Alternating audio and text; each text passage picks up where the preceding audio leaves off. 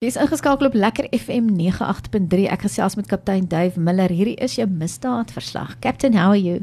Petra, I'm doing great and yourself, thank you. I'm doing great too. Awesome. Good to hear that. We're nearing the end of the year. Can you Yes, it was just yesterday we were talking about New Year's. Uh, Yeah. That was last year New Year's, not this up and coming New Year's. We're talking about home security and systems now. Yes. Yeah. So obviously a lot of people going to go away for the festive season. Or hopefully people will be able to go away and enjoy their the fruits of their hard work Yes, from throughout the year. And obviously you need to make sure that your security systems are, are up to date and, and, Yeah. and in working order. So it's very important, not just for this time of the year, but as a general rule to sort of test your security systems on a regular basis. Yes. Yeah. So how do you do that? So you contact your security service provider and you inform them that you would be provi- uh, executing a test on your system. yeah. yeah. Test your panic buttons. Test your passive alarms, your um, sensors to Yeah. make sure that they are picking up, so that the signal does go through. Make sure that the signal goes through to you. You'll get a phone call and they'll say yes, everything is in order.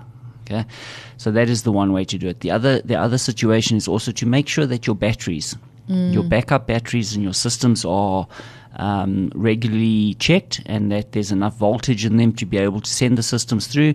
With load shedding schedules that we're having, has eased off a little bit. Let's hope it stays like that. Yeah. Um, so it's it's creating a situation where your battery life is a little bit longer, but you need to make sure that your batteries are checked on a regular basis. Uh, um, if they do, if they are flat or there's uh, warnings on your on your keypads to say there's a low battery, contact your service provider.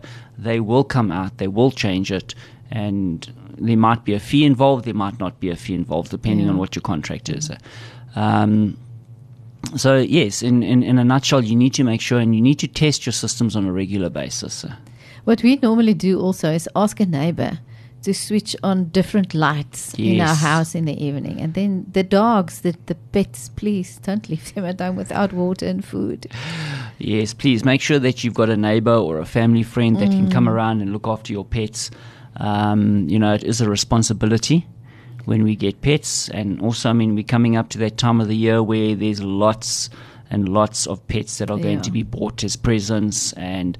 You know, by halfway through January, those pets have been discarded. Yeah, so yeah. please, it's very, very important that you look after your pets. It is a responsibility. And there are pet sitters that you pay a fee, a certain amount, That's and then they come and look at your pets. I mean, and, and you know, nowadays a lot of communities have got their little street groups or their community WhatsApp Mm. yeah. group and things like that.